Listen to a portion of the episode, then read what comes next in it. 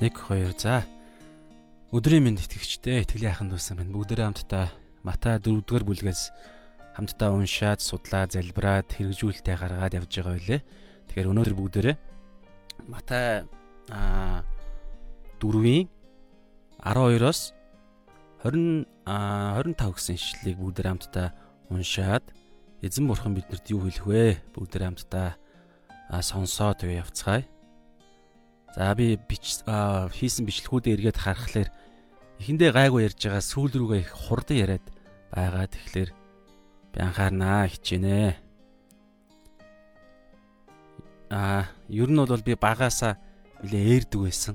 Ээрдэг тэгээд бас жоохон зүрх маань жоохон асуудалтай аа өссөн. Одоо ч гэсэн бас зүрх жоохон таарав. Тэгээд заримаа заримдаа нөгөө амьсгаагаа аа жоохон давчуу яаруу байдлаар бас яваад байгаа бичлэгээ анзаараад анзаараад байгаа. За би шалгаатгая.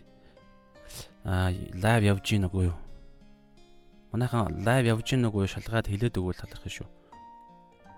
Орж ирсэн хүн байна уу? Лайв явж гин үү? Аа 3 хүн байх шүү хэ. За явж байгаа юм шиг байна. А дуу яаж гин? Яриа сонсогдож гин үү? Та хэлээд өгөөч. Тэгээ болж ивэл цөмөр амтаа залбираад эхлэе. Аа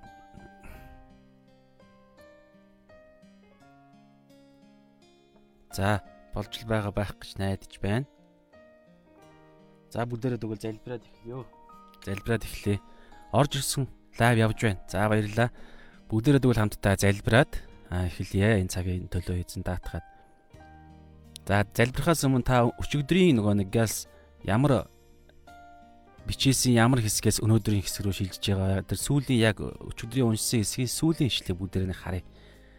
Өнөөдрийн хэсэг болохоор Матай 4-ийн 12-оос явж байгаа шүү. Тэгэхээр яг өмнө нь ямар зүйл болсон бэ гэхлээр 11-р эшлэлдэр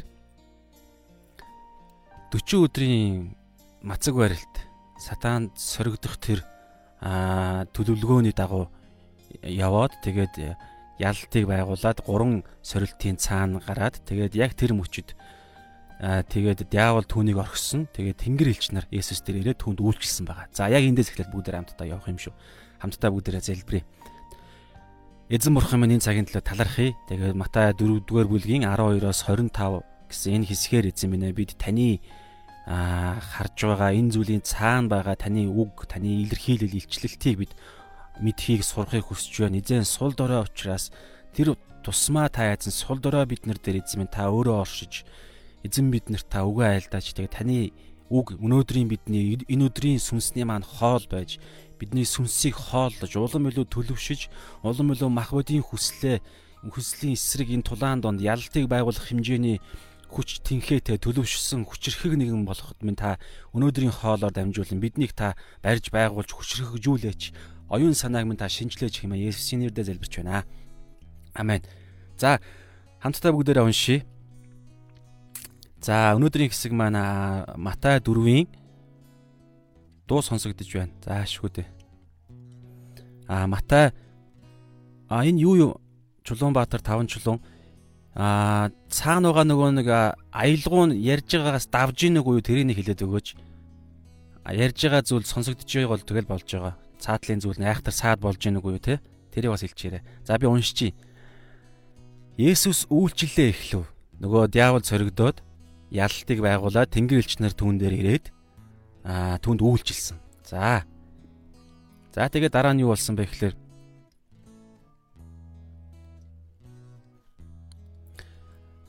Йохан баривчлагдсныг Есүс сонсоод Галил тийш зайлан одов.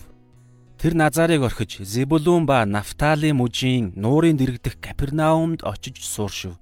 Энэ нь иш үзүүлэгчээр иш үзүүлэгч Исаяагаар хэлүүлсэнд биелэгдсэн хэрэг бөгөөд Тэнгис хүрэх замдах Зебулун нутаг ба Нафталийн нутаг, Йордны чанад харийнхны Галила, харанхуйд суугч ард түмэн их гэрлийг үзв. Үхлийн сүүдэрт нутагт суугчдын дээр гэрэл дусуу гэсэн юм аа. Тэр цагаас эхлэн Есүс гимшицгээ Тэнгэрийн хаанчлал айсгүй гэж тунхаглаж эхэлвэ. Тэрээр Галил нуурын эргээр явж байхдаа нуурт тор шидэж буй ах トゥ хоёрыг харжээ. Нэг нь Петр гэгддэг Симон, нөгөө нь түүний дүү Андрэ байв. Тэд загасчд аж. Есүс тэдэнд намайг даг. Би та нарыг хүмүүсийн загасчд болгоно гэв. Тэд тэр даруй тороо орхиж түүнийг даглаа. Тэр тэндээсээ цааш явж Зебедийн хүү Яаков түүний дүү Йохан гэдэг бас Йохан гэдэг бас нэгэн ах トゥ хоёрыг завин дотроо эцэг Зебедийнхээ хамт тороо сэлбэж байгааг хараад дуудав. Тэд тэр даруй эцэг эцгээ завтайгаа орхиж түүнийг даглаа. Есүс Галил даяар явхдаа синагогуудад синагогуудад нь зааж хаанчлалын сайн мэдээг тунхаглаж ард олны доторх алив төрлийн өвчин эмгийг идгэж байлаа. Түүний тухай зар сир даяар дарахсанд зовж шаналсан чөтгөр шүглсэн гараг саа саа өвчтөй бүхнийг хүмүүс түүн дээр авчирч Есүс тэднийг идгэжээ. Галил, Декапол, Иерусалим, Юдэ, түнчлэн Йордны тэртээс үе олноороо түүнийг даглаа. Амен. За тэгэхээр өнөөдрийн маань хэсэг гайгүй байх шиг байна те хэлээрээ. За тэгэхээр а өнөөдрийн маань хэсэг баптизм хүртээд Есүс баптизм хүртээд дараагаар нь 40 өдрийн тэр сүнслэг тулаанд мах бодийн хүслийн эсрэг мах бодийн тэр ахуу сорилтыг даваад ялтыг байгуулад тэгээд одоо тэр чинь өмнөд юудэд юудэн Йордонд болж байгаа баптизм тэгээд цөлд яваад тэгээд Йордан юудэ дээрээ ирэх үед яасан бэ гэхээр аа Есүс тэгээд диавол бишээ юу болчих вэ? За а Йохан баривчлыг баривчлагдсныг сонсоод Галил тийш зайлан одов гэж байгаа. Тэгэхээр Юдэгээс хоошоо Галил аймаг руугаа явж байгаа. Тэгэхээр энд хардаа зайлан одов гэдэг энэ үгэн дээр бүгдээрээ жоохон яа бодъё. Тэгэхээр зайлан одов гэдэг англи англиараа withdrawn гэдэг а яг тийм зүхтаах гэсэн санаа бол биш юм байл шүү зайлан одуу гэдэг нь болохоор ерөөсөө нэг зүйлийг олж мэдлээ тэгээд тэндээс ер нь явуул гэсэн санаа.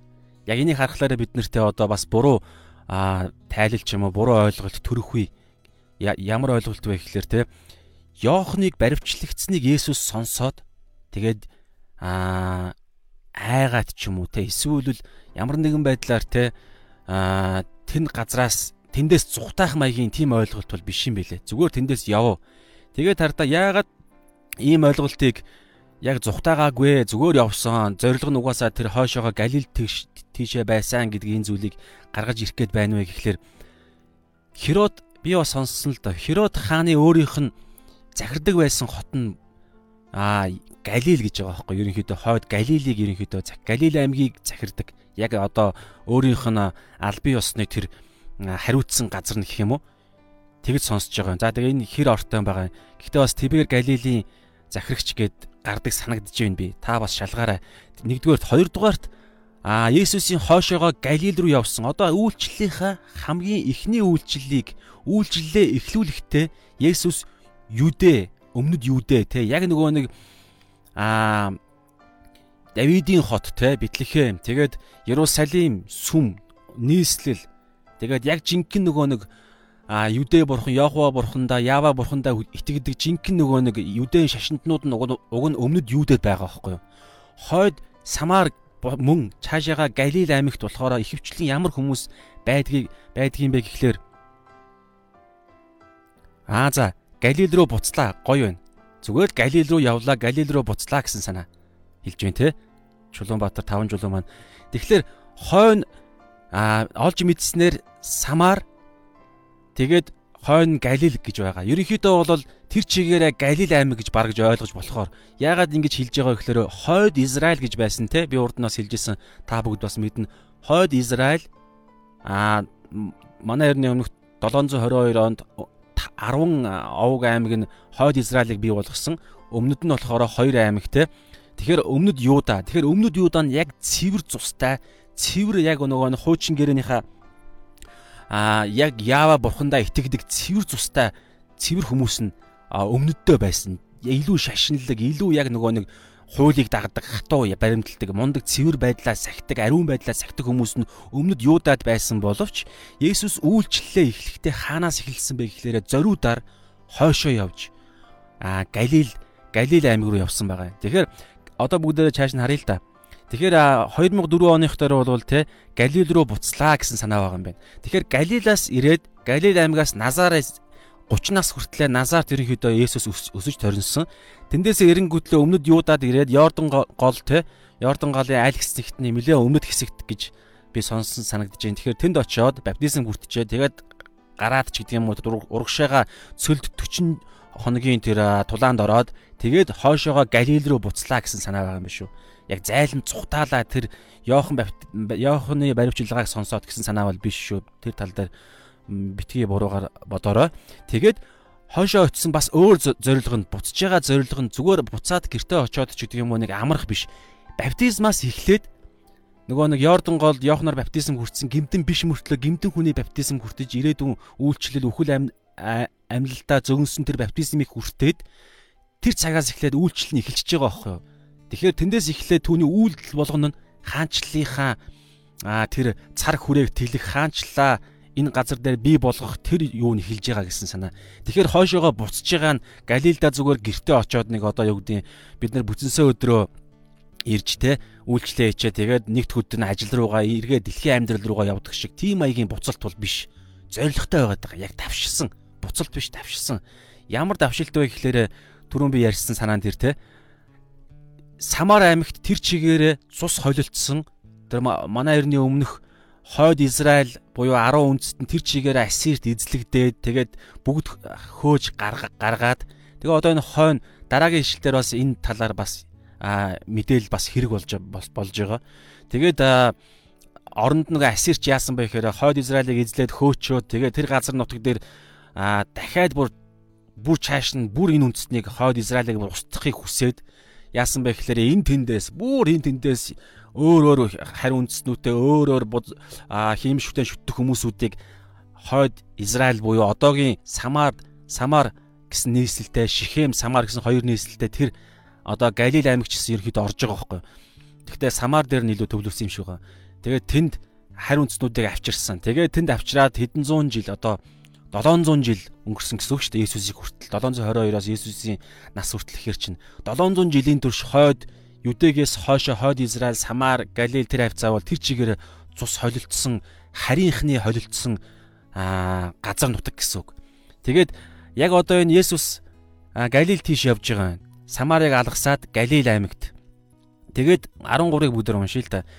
Тэр Назарыг орхиж одоо энэ ардаа Назар бол өөрөө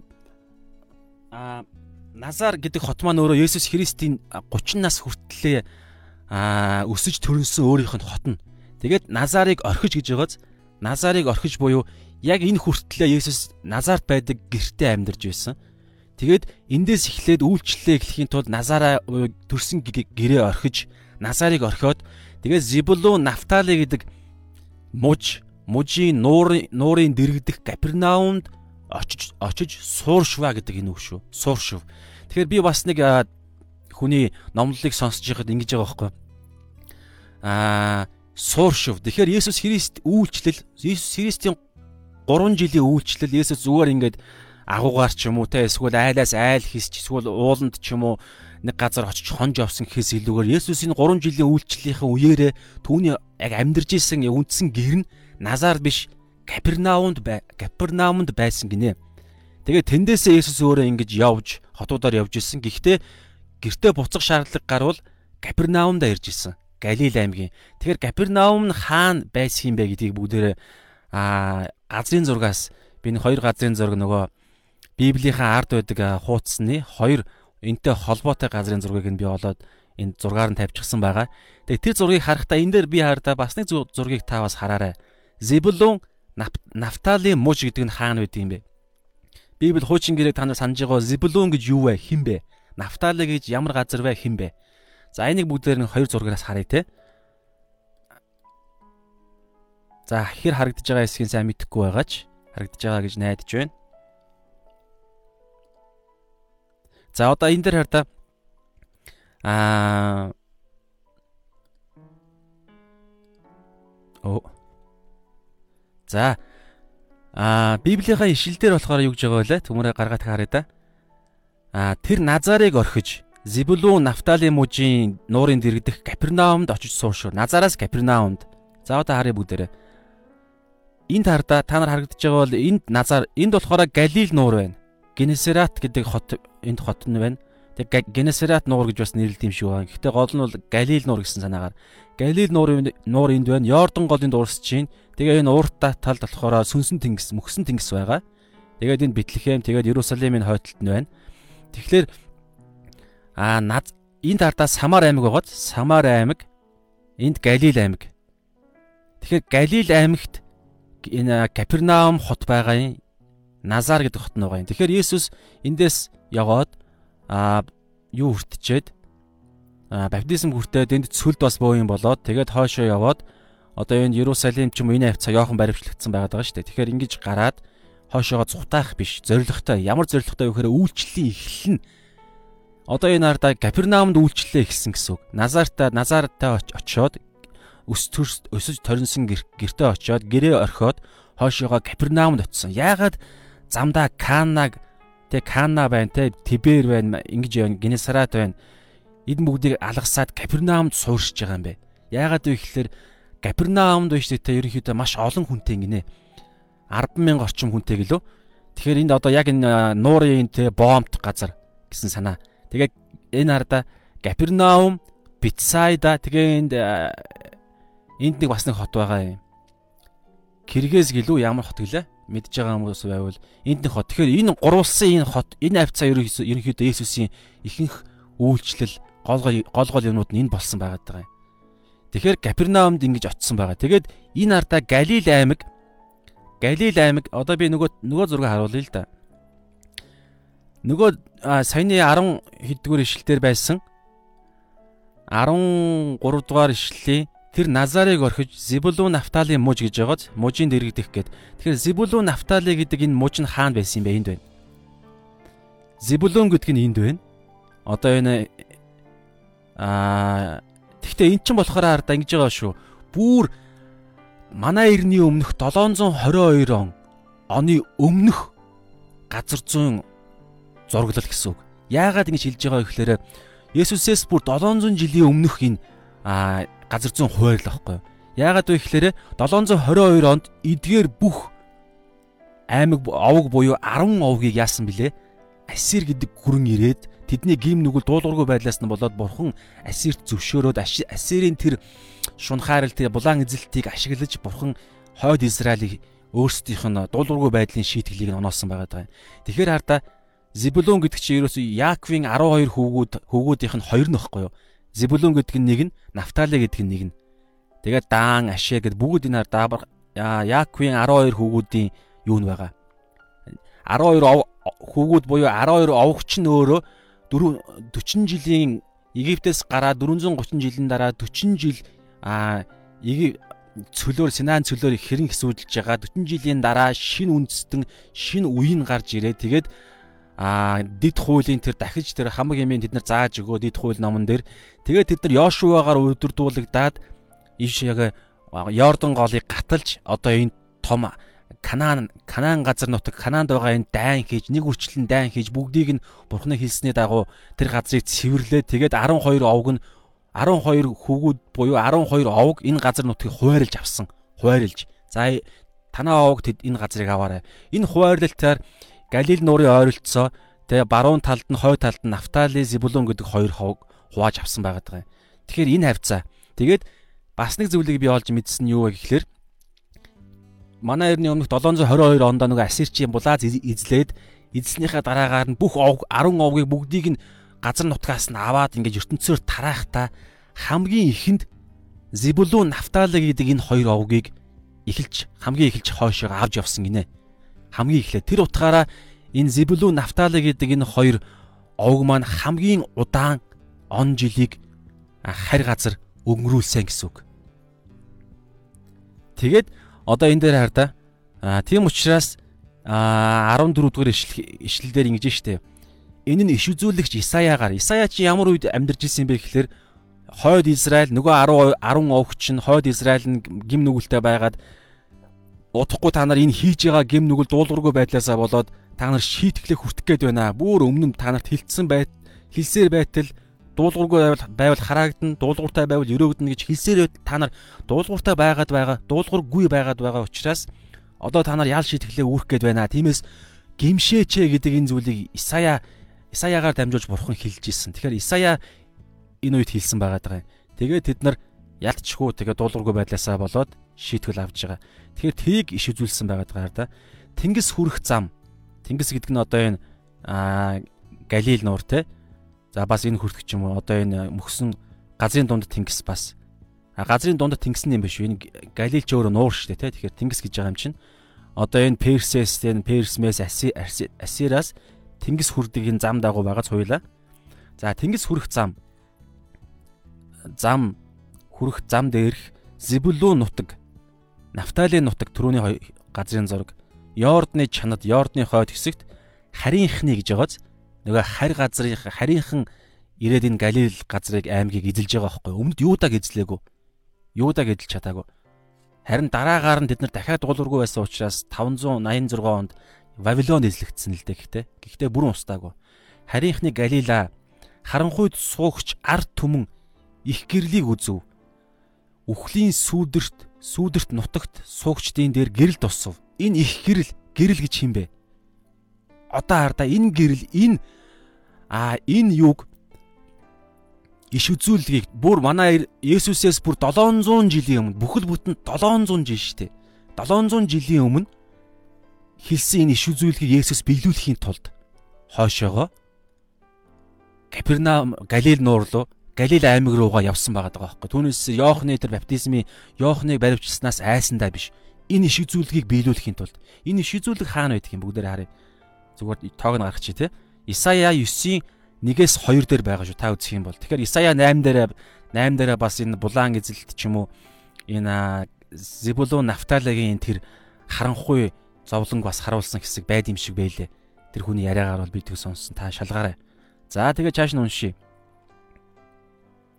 Капернаумд очиж Есүс суурьшсан байгаа шүү дээ, тэ? Суурьшсныг нь яагаад очиж суурьшсан шалтгааныг нь энэ иш үзүүлэгчээр дамжуулж дамжуулсан тэр үгийг Есүс биелүүлэхийн тулд тийш явсан. Тэгэхээр аа хөөгдөөд алга болсон сүнсэн тэр аймаг аймгийг газар нутгийг Есүс дахин сэргээхийн тулд явж байгаа. Өмнөд юудаа юудаараа гэхээс илүүгээр тэр харийнхны тэр хамгийн харанхуй газарт нь очиж Есүс үйлчлээ эхэлсэн. За тэгээ чааш нь бүгдээр уншия. Тэр цагаас эхлэн Есүс гимшицгээ Тэнгэрийн хаанчлал айсвэ гэж тунхаглаж эхэлвэ гэж байгааз те. Тэр цагаас эхлэн Есүс гимшицгээ Тэнгэрийн хаанчлал айсвэ. За Та санаж байгаа шүү дээ. Яг өмнө нь юу боллоо? Йохан Баптистийн аа Йохан Баптист ирж Есүсийн хааны Тэнгэрийн хаанчлалын хааныхын замын бэлтгэж те а хотгор газрыг нь тэр овгор газрыг нь нам болгож хотгор газрыг нь тэгш болгож гэж бардам хүмүүсийг даруусгаж сул дорой хүмүүсийг амлалтыг нь сануулж хаан ч нэрж шүү замаа шулуун болгоо замаа бэлтэг яаж бэлтэх вэ гэхлээрэ түрүүн бид нар өмнө үздсэнчлэн гимш та нар гимээ улааж гимшээ. Тэгээд гимшлийн баптизмыг хийлэг. Гимшлийн баптизм хийлгэж бүтэн биеэрээ та нар гим нүглээ угаалга угаалгаа. Тэгээд дээр нь нэмээд юу гэж хэлсэн бэ гэхээр би та нарыг усаар баптизм хүртээдэг. Харин миний араас ирэгч тэр нэгэн агуу нэгэн буюу месиа нөгөө хаан чинь та нарт ариун сүнсээр баптизм хүртээх болно. Галаар галаар болон ариун сүнснээр та нар баптизм хүртэнэ гэдгийг хэлсэн. Тэгэхээр Йохан ийм үгийг ийм хоёр санаатай энэ номлол үргэлж хийж явсан. Тэгээ баптизм хүртээдэг байсан. Харин Есүс ирээд тэр цагаас эхлээд хойд дөрөв ярьсантай Капернаумд сууршаа. Тэгээ тэр эргэн тойрны тэр газар нутаг дээрээ буюу баг харийнхан гэж хэлж болно. Тэнд яг хари үндснүүд ч гэсэн тэнд амьдарч ирсэн гэсэн. Хари үндснүүд амьдарч ирсэн дээр нэмээд Самарийнхантай адилхан цус холилдсон тэр Самарчууд гэдэг нэртэй яг Самар гэдэг хүнтэй яг Есүс сургаал зөвлөлдөр айлдсан штэ. Нэг самар хүн самар хүн явж иж бай, явж ижээ гэд. Тэгэхээр тэр самар хүмүүс ч гэсэн тэнд амьдарч исэн бас жинхэнэ нөгөө нэг хуучин гэрээгээ дагдаг шүтлэг бишрэлтэй хүмүүс нь ч гэсэн тэнд амьдарч исэн. Тэгэхээр холилдсон тэр олон хөлийн газар Есүс ойролцоогоор 10 мянган хүн байрладаг газар гэж байгаа. Капернаум хот нь тэнд сууршаа тэндээс цөмөөс нь хамгийн маяг эхэлсэн байгаа. За тэгээд хамгийн ихний Есүсийн тунхаглаж эхэлсэн Есүсийн тунхаглал нь бол гимшицхээ Тэнгэрийн хаанчлал айсвэ.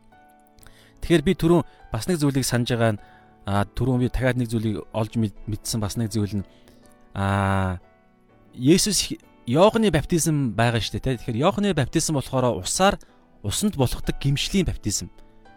Тэгээд Есүсийн баптизм болохоор Есүсийн хүртээсэн тэр баптизм буюу тэр бүрэн эзэмдүүлэх тэр тэр нөлөөнд орох тэр баптизм болохоор юу вэ гэхээр ариун сүнсээр баптизм, ариун сүнсээр хийгддэг баптизм, галаар хийгддэг баптизм гинэ. Тэгээ англи хэл дээрээ тэр тэр хүн болохоор юу гэж ийнэ гэхээр ингэж байгаа байхгүй. Ариун сүнсний баптизм биш шүү гэж тайлбарлаж илээ.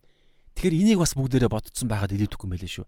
Ариун сүнсний баптизм биш. Одоо англиараа бол те baptism of Holy Spirit биш юм байлээ шүү. Харин baptism а by гэсэн санаа тий. Ариун шээ baptism by тий ариун сүнсээр хийгддэг тий. Ерөнхий санаа бол ариун сүнсний баптизм биш. Тэр бол баптизм хиний баптизм байх гэхээр Есүс Христийн баптизм. Гэхдээ ариун сүнсээр Есүс баптизм хүртэн. Мөн галаар Есүс баптизм хүртэн. Тэг яг баптизмынх нь баптизм хүртээгч эзэн нь болохоор тэгж тэр цэвэрчлэлт тэр шинжлэлт шилжилтийг хийдэг гол хүн нь Есүс өөрөө. Харин Иохны баптизм ямар баптизм бэ гэхээр тэр нь харин жинхэнэ ариун сүнсний баптизм гинэ. Baptism of Holy Spirit. Тэг юугаар юм гэхээр by water те усаар усаар баптизм хүртээдэг ариун сүнсний ятгалгаар тэдгэр хүмүүсүүдийн дотор те та нар гимшээч гэдэг санаа. Тэгэхээр энийг бас цөмөрөө мэдсэн байхад илүүдэхгүй санагдсан. Би бод олж мэдсэн болохоор та нартайгаа хуваалцж байна. Тэгэхээр Тэгээд гимшицхээ Тэнгэрийн хаанчлал айсвэ. Тэнгэрийн хаанчлал айсвэ гэж байгааз. Тэгэхээр энэ үгийг Йохан хэлсэн үг нь. Йохан яг өмнө нь хэлсэн байгаа те. Бас Есүс ч гэсэн хэлж байна. Матай 3-ын 2 дээр а энэ дээр байна те. Матай 3-ын 2 дээр Йохан хэлсэн байдаг. Баптист Йохан Есүс ч гэсэн адилхан хэлж байна. Гэтэл Есүс хэн блэ? Йохан хэн блэ? Бүгдээрээ бодъё л доо. үйлчлэлийн эхлэлийг цөмөр үзэж байгаа шүү. Энд дээр цөмөрөө бичээд явна. Одоо удахгүй дуслаа. Эхний хэсэг нь. За. Йохан бол өөрөө Тэнгэрийн хаанчлалын хааны эрэлтий замыг нь бэлтгэсэн хүн. Замыг бэлтгэж явж байгаа тэр зам бэлтгэгч хүн Йохан. Харин Есүс хэн бэлээ? Өөрөө Тэнгэрийн хаанчлалын хаан штэ. Тэгсэн мөртлөө өөрөө юу гэж хэлж байна? Тэнгэрийн хаанчлал айсвэ. Тэгэхээр Тэнгэр Йохан бол Тэнгэрийн хаанчлал ирж байна гэж хэлсэн бол Есүс өөрөө юу гэж хэлж байна гэхээр Тэнгэрийн хаанчлал ирдсэн байна. Есүс ч өөрөө Тэнгэрийн хаанчлал. Есүс ч өөрөө Тэнгэрийн хаанчлалынх нь хаан нь. Тэгээд би бас нэг зүйлийг олж мэдсэн нь Матай ном тэр чигээрээ Есүсийг бол түр урд нь хилдсэнчлэн хаан гэдгээр нь танилцуулсан шүү дээ. Яагаад вэ гэхээр Израильчууд ч өөрсдөө тослогдсон хаанаа хүлээж ирсэн. Тэр нь юу вэ? Ямар нэршил гэхээр Месиа, Месея, Месиа, грекээр Христ. Христ буюу тэр тослогдсон хаа Месияга Израильчууд хүлээж исэн.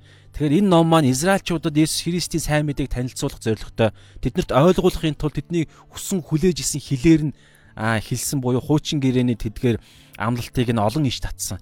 Тэгээд Тэнгэрийн хаанчлал гэдэг энэ ойлголтыг Матай номон дээр 55 удаа дурдгдсан байдаг гинэ. 55 удаа дурдгдсан. Тэгээд асар олон байдлаар Тэнгэрийн хаанчлалыг зүүрлүүлсэн. Тэнгэрийн хаанчлал нь бол ийм юмтай адил юм а гэд асар олон зүйлсүүд цөмөрөө хойштоо бас гарах учраас энэ талаар тухайн гарч байгаа сургаал зүүрэл болгон дээр илэрхийлэл тайлбар болгон дээр нь бүгдээр хамтдаа ярилцаад би бас энэ дэндээс олж мэдсэн юм а бүгдээр хамтдаа олж мэдээд явна. Тэгэхээр гол зүйл яг энэ 17 дугаар ишлээс бүгдээр юу мэдэх вэ гэхээр а Есүс чинь өөрөө Тэнгэрийн хаанчлал бүгдээрээ бичиж явчих. За эхний хэсгээс нь бүгдээр юу болж мэдлээ? Аа эндээс эхэлж байгаа те. Йохан барив за Есүс аа тий. Есүс Ес за үйлчлэлээ зориудаар аа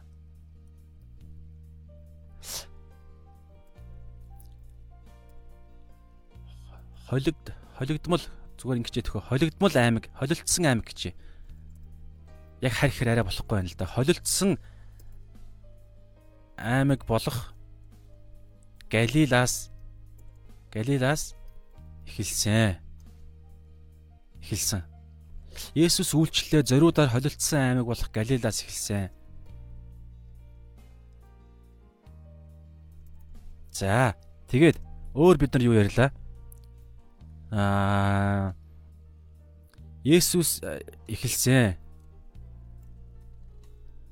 700 жилийн өмнөх иш үзүүлгийг аа биелүүлэхийн тулд тэр харанхуйд буй хүмүүсийг сэргээх сэргээхийн тулд тэг Капернаумд сууршсан л гэж.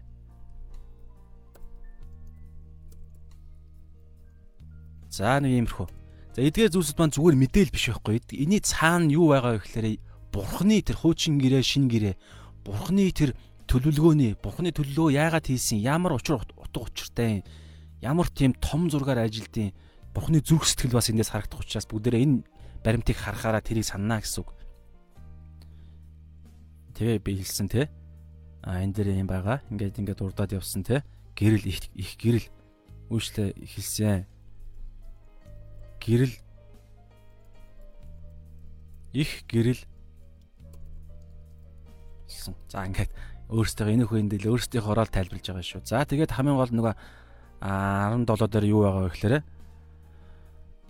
Есүс өөрөө Тэнгэрийн хаанчлал. Есүс өөрөө Тэнгэрийн хаанчлал. За ингээд орчих. За бүгдээрээ цаашаа явъя. За эхний хэсгээс бүгдээрээ үйлчлэлээ эхлэхдээ Есүсийн үйлчлэл эхлэхдээ эхэлсэн газар нь зоригтой байсан. Тэр нь бүр 700 700 жилийн өмнөх тэр сүрс сүрсэн сүнсэн Зебулун Нафтали гэдэг энэ а мууж энэ хүмүүсүүдийн өвөг дээдсийн тэр сүнсэн тэр зүйлийг сэргээх зоригтой. Тэгээ Исаяагийн тэр иш үзүүлгийг биелүүлэх зоригтой хойшоо явсан. Тэгээ тэнд бас давхар тэнд масар олон хүмүүс тэнд бөөгнөрдөг байсан. Тэгээд тэнд олон олон хүмүүс тэнд очдог байсан. Яг тэнгис хүрэх зам дагуу учраас тэнд олон хөлийн газар байсан. Олон хөлийн газар. Олон хөлийн газраас үйлчлэлээ эхэлсэн. Түүнээсээ нэг амар шашинлаг байдлаар те а манай шашны чинь цүм Иерусалимд байгаа учраас сүмэн тэндээ байгаа учраас тэндээсээ л би эхлэх ёстой. Тэгэхгүй бол манай дээд одоо юу гэдэг сүм чуулга маань бид намайг буруугаар ойлгон те. Тэгэхээр ив нэг ив найрамдлаа бодох хэрэгтэй мэрэгтэйгээ тийм нэг юм а наад арай наадах зүйлийг юусаа бодоагүй. Тэр бүх зүйл нь бүр 700 жилийн өмнөх бүр бурхны асар том төлөвлөгөө бүр цаашлаад ариун сүнс гал мэт бууж ирээ. Тэгээд Паул аврагдан тэгээд бүр цаашаага дэлхий даяар өнөөдөр те бүр харь үндэстэн дэлхий даяараа дэлхий даяар байгаа хүмүүсүүдийг аврах зорилготой байсан учраас Иесусийн үйлдэл нь зөвхөн тухайн үеийнхаа хүмүүс таалагдах биш. Асар том төлөвлөгөөтэй байсан. Тийм учраас тэр наан буруугаар ойлгогдсон хүмүүс түнд итгээгүй те. За бүгдээрээ цаашаа ингэж явъя те. Аа За бүгдээрээ Есүс тэгж тунхаглаж эхэлсэн тэр цагаас эхлээд. За тэрээр 18-аас бүгдээрээ цааш нь харъя. Есүс тэрээр аа Галил нуурын эргээр явж байхдаа нуурт тор шидэж буй ах トゥ хоёрыг харжээ. Нэг нь Петр гэгддэг Симон, нөгөө нь түүний дүү Андрей байв. Тэд загасчд аж. За Габр Назар Назар хотоос Галилийн Галилийн Назар төрсэн хоттоо очоод 40 өдрийн цөлийн тулааны дараа тэгээд төрсөн нутагтаа очоод тэндээ ээж аавта аавда хэлээ тэгээд салахаас гүз тэгээд ингээд үйлчлээ эхлээд хоошоогоо яваад хоошоо шүү хоошоо яваад Галил нуурын хой талд нь байдаг Капернаум гэдэг газар очиж сууршсан буюу тэнд өөр ингэсэн орон байр ингэж өрөө мөрөө түрээсэлт юм уу яа тийм тэндээ ингэ сууршаад тэндээсээ эхлээд үлдсэн 3 жил үхэн үхтлээ буюу сүүлийн 3 жилээ тэнд өнгөрөөхийн тулд тэндээ сууршсан хамаг юмаа тэндээ байрлуулад тэгээд гэрээсээ гараад тэр хаваараа буюу одоо нэг газрын зураг арил та. Оо дандаа энэ арда Капернаум ч энд байна. Энэ үхэн яг энэ энд юу байна?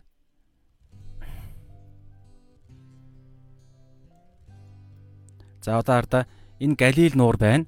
Тэгэнгүүтлээ энэ Назар ба Назараас төрсөн хотоос хоошоо гараад энэ тардаа энэ цэг буюу Капернаум гэж байгааз энэ цэг чинь Капернаум Капернаумд байна. Тэгээд Галил нуурын одоо энд Галил нуурын эргээр буюу яг өөрөө Капернаум хот чинь өөрөө нуурын дагуух бомб хот байгаа зү. Тэгэхээр яг энэ эргээрээ Есүс явж гин те. Есүсийн Есүс Галил нуурын эргээр явж байхдаа нуурт тор шидэж буй ах トゥ хоёрыг харжээ. Нэг нь Петр гэгддэг Симон, нөгөө нь түүний дүү Андрей байв. Тэд загасчд ажээ. Есүс тэдэнд намайг даг Би та нарыг хүмүүсийн загасчд болгоно гэв. Тэд тэр даруй тороо орхиж түүнийг даглаа. За энэ хүртэл. Тэгэхээр ардаа юу юм бэ лээ шүү. Энэ болохоор Есүс а Симон буюу Петр а тийм Петр гэгддэг Симон гэж байгааз. Петр түүний дүү Андре хоёр Есүстэй анх удаа уулзсан бол биш юм байлээ. Юу вэ гэхээр Лук номон дээр энэ дэлгэрэнгүй. За одоо энэ Лук 5-ын 1-ээс 11 дээр та дараа нь харахад яг энэ одоо хэлэх гэж байгаа ярьж байгаа зүйл харагдана гэсэн үг. Тэгэхээр хамгийн анх Есүс Есүсийг анхны дагалдагч нартай хэн танилцуулсан бэ гэхээр Лук 5-ын 1-ээс 12 дээр гарах байх. Хин бэ гэхээр Йохан Баптист Баптист маань өөрөө байгаад байгаа байхгүй.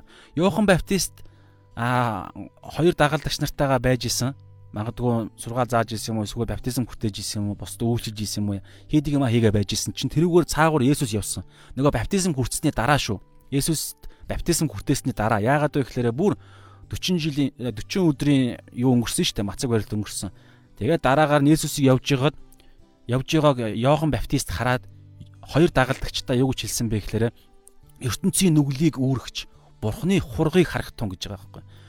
Бурхны хург гэдэг чинь өөрөө дахил хүний гим нүглийг нь үүрээд тэгээд хүний өмнөөс алуулдаг одоо энэ дээр нь ч юм уу хоолойг завчдаг ч юм уу тэгээд алуулдаг хургач нь гим нүглийн төлөө цэвэр хург өнгөрдөг дахлыг ярьж байгаа. Тэгээ ертөнцийн гэж байгаа сте. Тэгээ бурхны хург буюу бурхны хүү. Тэгэхээр Есүсийг Йохан өөрөө маш сайн мэдсэн гэсэн бурхны хургаа гэдгийг. Тэгж хэлэх үед хоёр дагалдагчийн нэг нь Андре байсан. Петрийн дүү Андре. Тэгээд шууд нөгөө хоёр чинь баптист Йоханоо орхиод Есүс рүү явсан. Тэгэхээр шууд л явчааг нь ойлгомжтой шүү дээ. Багшаасаа асуусан байх, багш руугаа харсан байх.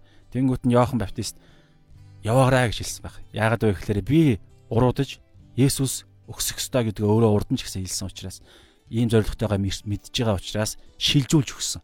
Иний цаана бүгдээрээс юу ойлгож болох вэ?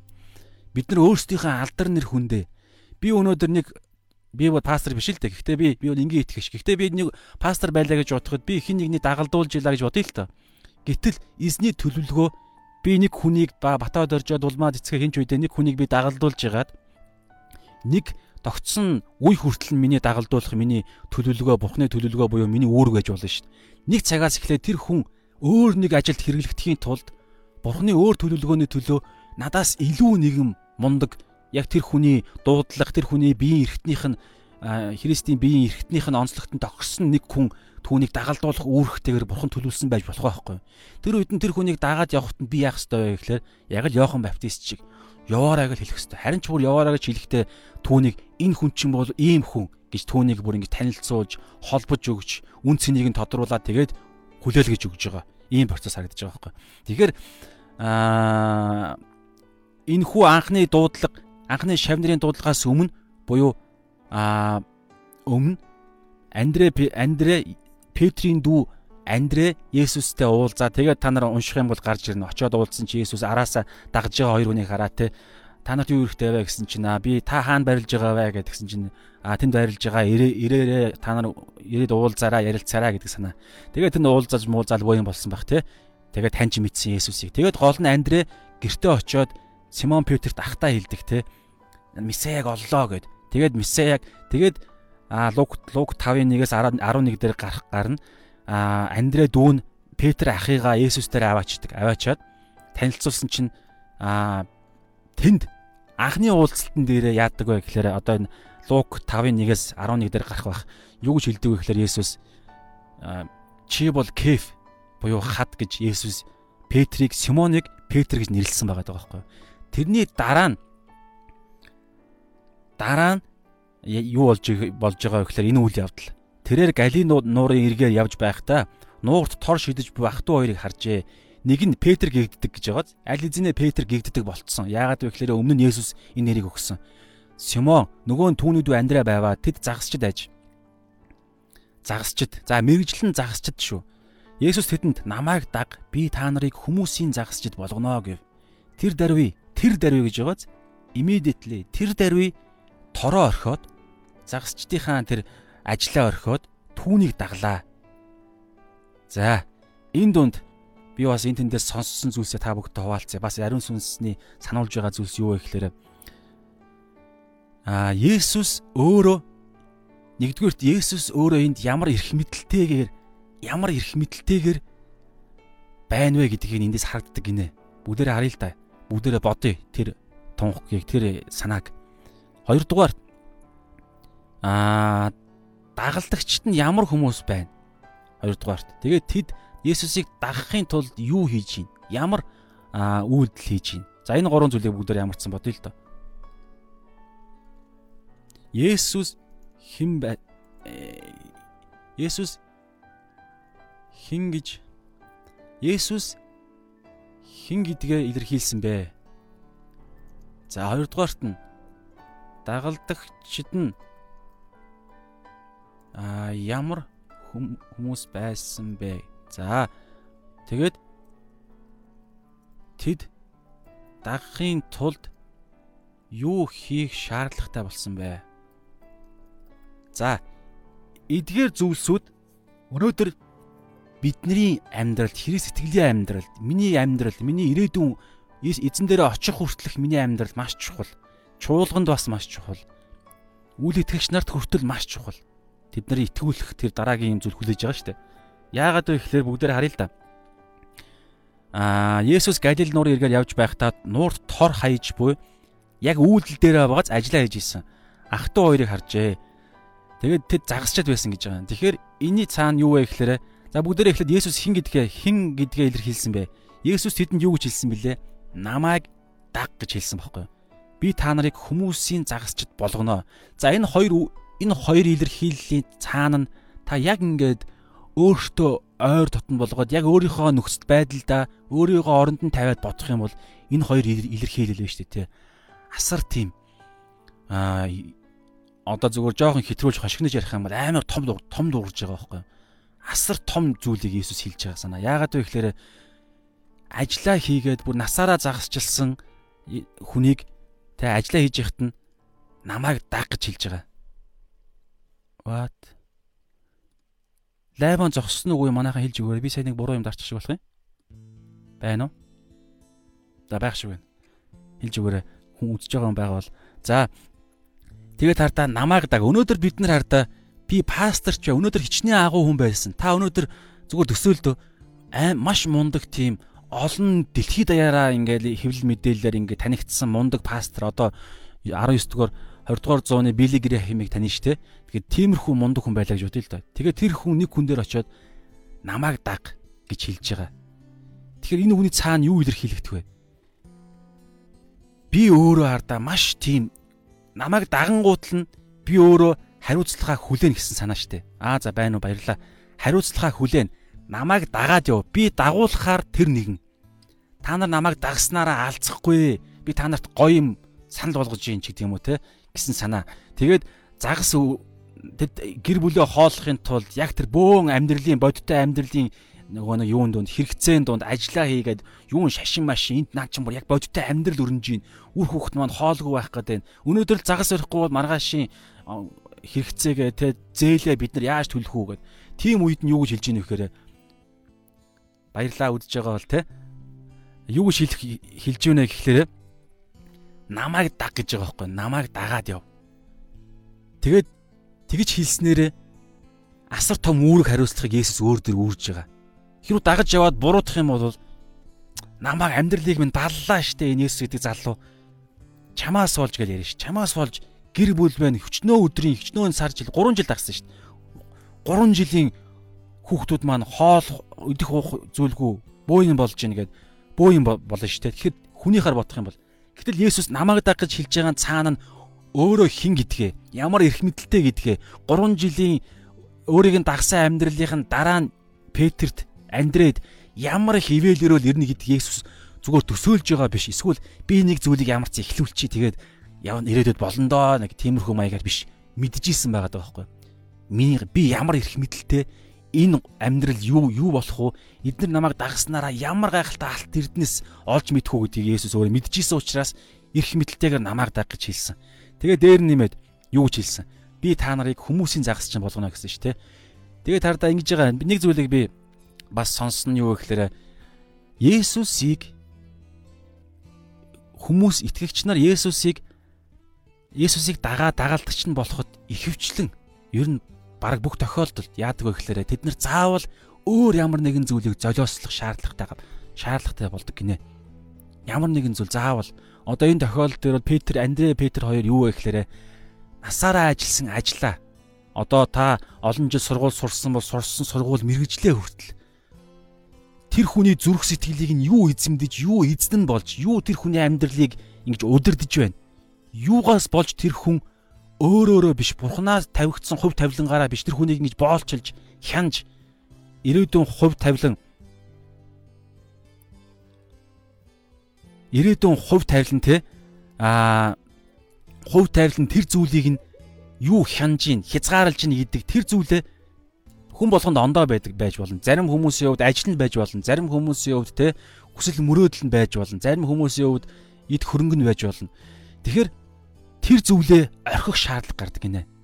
Яг дагалдагч хүмүүс бол яг тэр сонголттой нүүр тулдаг. Яг одоо энэ Бетер Андре хоёрын нүүр тулсан шиг. Нэгдүгээрт. Тэгээд гівч бүрэн орхиж байгаа бас нэг хэлбэр биш байгаа байхгүй. Харах юм бол та нар анзаарах юм бол Андре Петр хоёрт Есүс юу гэж хэлж байна? Намайг даг орхиод яв гэж хэлж байгаа. Тэгэнгүүтлээ дараагаар нь гэхдээ та нарын эзэмссэн мэрэгчлэн зүгээр орхигдож байгаа биш ээ. Энийг харин та нар бүр яг Бурхны төлөвлөгөөний дагуу энэ мэрэгжил, энэ хүсэл мөрөөдөл, энэ чадвараа та нар хэрэглэнэ буюу хүмүүсийн загасчд болгоно гэж байгаа. Зүгээр та нарт загас ходоодоо тижээхийн тулд загас болж байгаа юм биш. Харин та нарт загас барьж байгаа тэр мэдрэмж, тэр хүлээж байгаа тэр зориулж байгаа зориулалт, тэр хайж байгаа хайлт, тэр мэдлэг энд өглөө бариултыг нь орой бариултыг нь өдөөс хойш бариултыг нь гэсэн тэр загас барьж байгаа. Тэгээ загас барингууд нь тэрийг олж байгаа тэр баяр хөөр олон загас бариул ямар уу ганц загас бариул ямар уу тэр загасчны тэр нэг юм чадвар мэдрэмж туршлага нь туршлагыг Есүс Христ хүмүүсийг та нар загасчлахад та нар энийгээ хэрэглэх болно гэж байгаа. Тэгэд харал да загаснаас илүү хэн үнцэнтэй юм бэ? Хүн хүмүүсийг бид нар олж Бухны хаанчлалд аваачна гэдэг чинь асар чухал зүйл. Тэгээ энийг хэлсэн байгаа даа. Тэгэхээр бид нар хараа аа би нэг ийм хоёр зүйл олсон хоёр ишлэл энтэй холбоотойгоор гаргаж ирсэн байхгүй. Тэр нь юу гэхээр түрүүн би хэлсэн шүү дээ. Иесус Христийг дагахад дагалдагч болоход бид нар нэг болвол яадаг а үнц нь бидний зүрхийг эзэндж байгаа тэр а эзэн одоо бидний хоёр эзэнд зэрэг үйлчилж чадахгүй гэж Иесус хэлсэнтэй адилхан тэр өөр нэг эзэн буюу тэр зүрхийг эзэмдэж байгаа тэр зүйлээ бид нар золиослох хаях шаардлага гардаг. Тэрний нэг жишээг одоо бүгдээр харъя. Би зүгээр уншаад уншихгүй зүгээр яриад яриад өгчий. Аа юу вэ гэхлээр Матай 18-ийн Лук 18-ийн 18 дээр Лук 18-ийн 18-аас 23 дээр байгаа шүү. Би зүгээр газ хамаатай хэсгийг яриад яриад өгчий. Юу вэ гэхлээр олон хүмүүс Есүсийг дагаж явсан. Зарим үед бүр хэдэн мянгаараа дагаж явсан.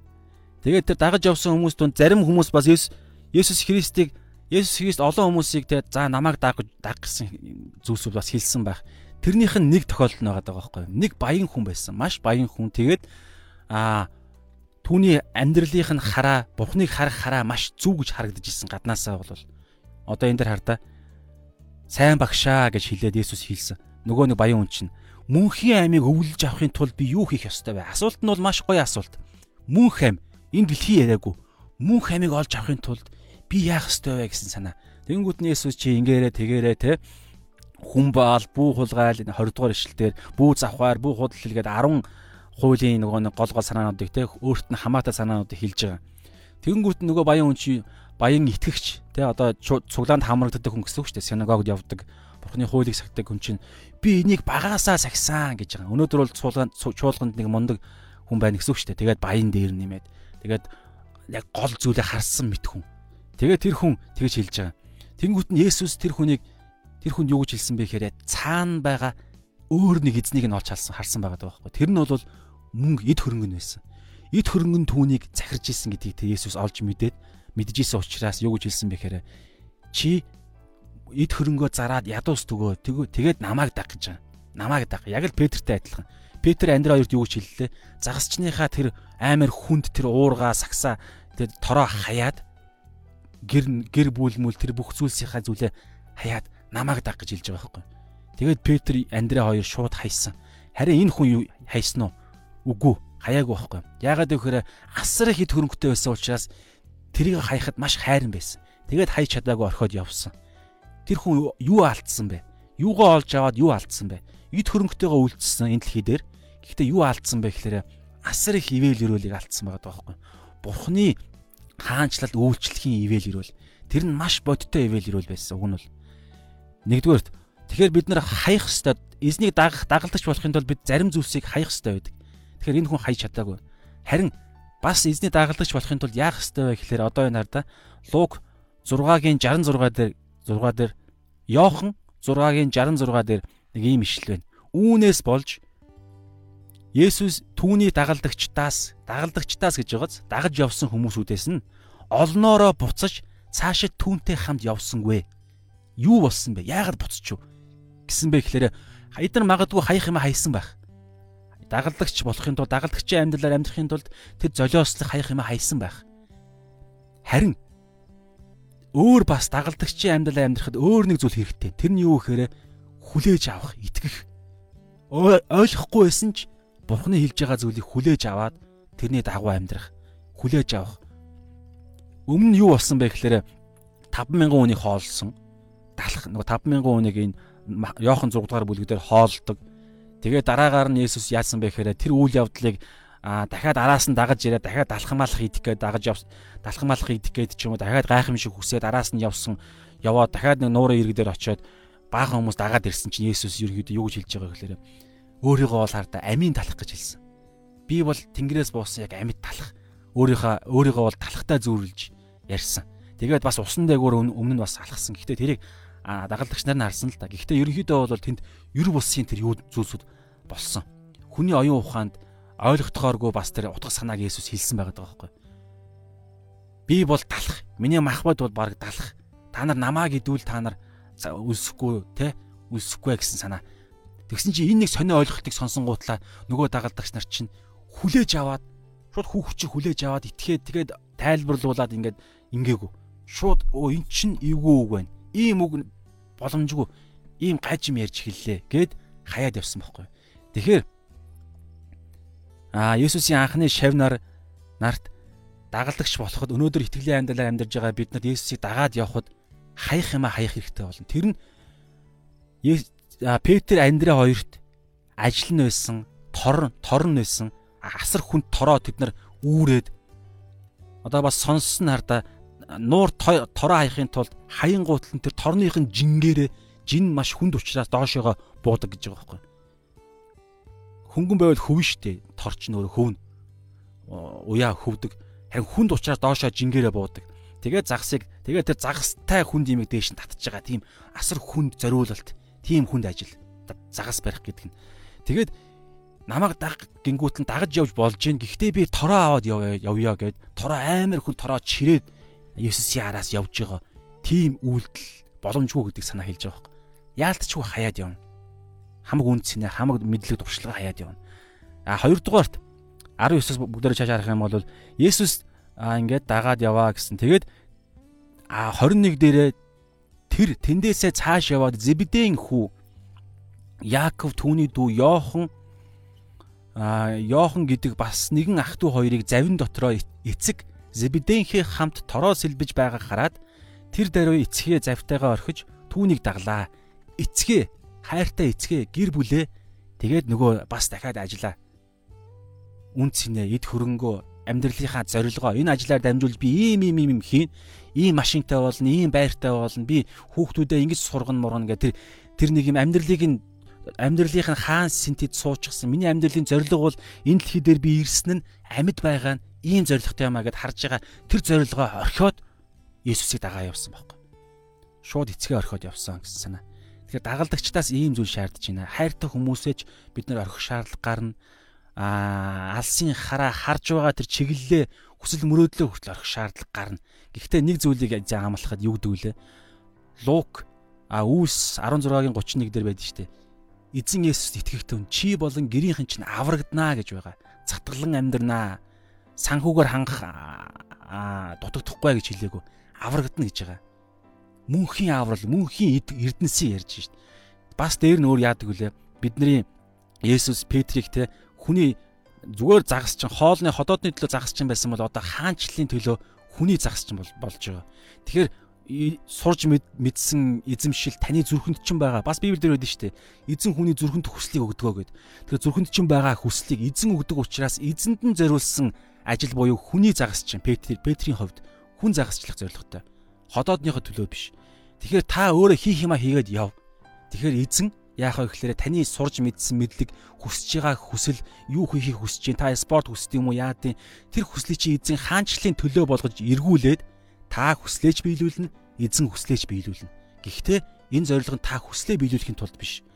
Та зүгээр л Есүсийг дагаад яв. Яагаад Есүсийг дагах юм гэхлээр Есүс Есүс гэдэг тэр чинь өөрөө нэг хүн байхгүй юу? Есүс чи өөрөө хүн, бас Бурхны хүү. 100% хүн, 100% Бурхан. Хүний ойлгохдохын аргагүй нэг юм а чанар ярьж байгааз те саний ярьсан санаа бол 100% бурхан мөртлөө ягаад 100% хүн байдгийг. Гэхдээ тэр Есүсийн хувьд тийм байсан. Тэгээд ямар нэгэн санаа ямар нэгэн надад таалагдж байгаа эрх ашигыг Петр, Андрэ, Петр, Яаков, Йохан дагаж яваагүй. Есүс гэдэг тэр хувь хүнийг дагаж явсан байхгүй. Яг үнтэй адилхан бид нар ч гэсэн өнөөдөр Есүс Христ итгэл гэдэг имийг дагаж яваагүй байхгүй бид нар. Эсвэл те аа Есүс Христэд итгэх юм бол те та нар сайн сайхан амьдрнаа гэдэг тэр нэг ойлголтыг дагаж яваагүй. Есүс Христ итгэх юм бол гадаадд гаргана гэсэн ойлголтыг дагаж яваагүй. Есүс Христ итгэх юм бол миний өвчин идэгнэ гэдэг тэрийг дагаж яваагүй. Юу дагсан бэ гэхээр Есүс Христ ч өөрөө амлагдсан Месиа, хаан, Бурхны хүү гэдэг тэр хувь хүнийг нь дагаж явсан. Тэгэхээр өнөөдөр бид нар чуулгандаа ирэхдээ, цуглаандаа үйлчлэхдээ, амьдрал дээр амьдарч байхдаа бид нар зөвхөн Есүсийг л дагаж явах хэрэгтэй. Есүс үнэн гэж юу вэ гэхээр үнэн бол Есүс.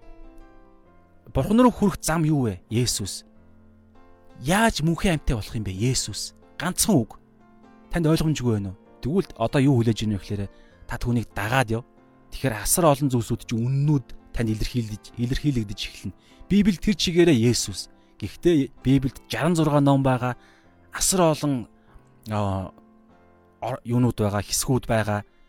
Авралын Есүсийн асар олон тэр аа эрх ашигуд, Есүсийн тэр харж байгаа чиглүүлгүүд байгаа. Гол нь Есүс байхгүй юу? За бүгдээрээ цаашаа ингээд өнөөдрийн одоо энэ хоёр дахь хэсэг дээр аа газ нэг юм бичээд хий. Түрүүн юу ярьлаа?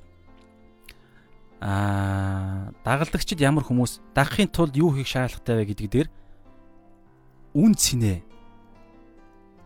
амьдралыг амьдралыг маань өдөрдөж байгаа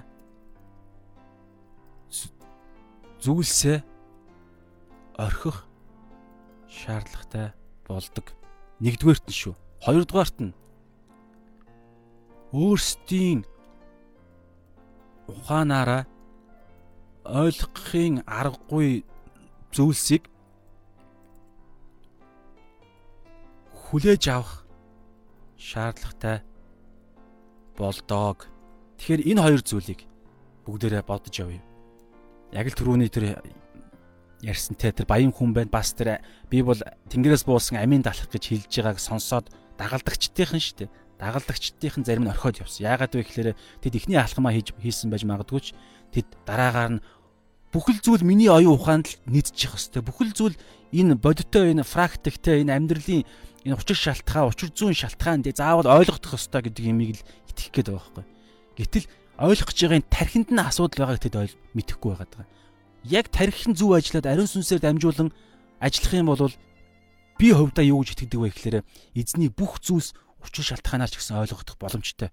Гэхдээ тэр учир шалтгаан гэдэг юм чинь өөрөө хүний учир шалтгаан гэдэг логик буюу эрүүл ухаан гэдэг чинь хүний ухаан гэдэг гэдгээ гэж ярихаар л асуудалтай болоод байгаа байхгүй. Ягаад тэгэхээр хүний оюун ухаан чи өөрөө эрүүл биш оюун ухаан хөвчлэн байдаг.